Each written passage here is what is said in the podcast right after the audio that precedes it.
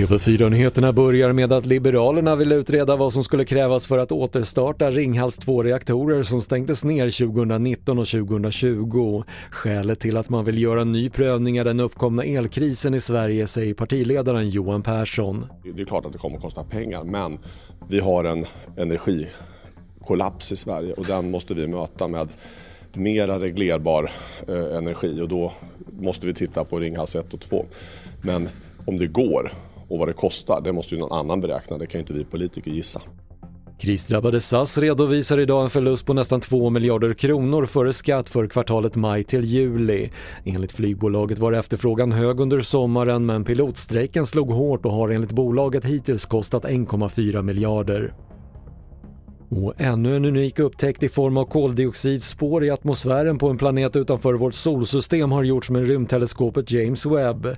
Det innebär inte liv på så sätt vi känner till men det ger hopp om liknande observationer på planeter med bättre förutsättningar att alstra levande materia. Fler nyheter hittar du på TV4.se. Jag heter Patrik Lindström.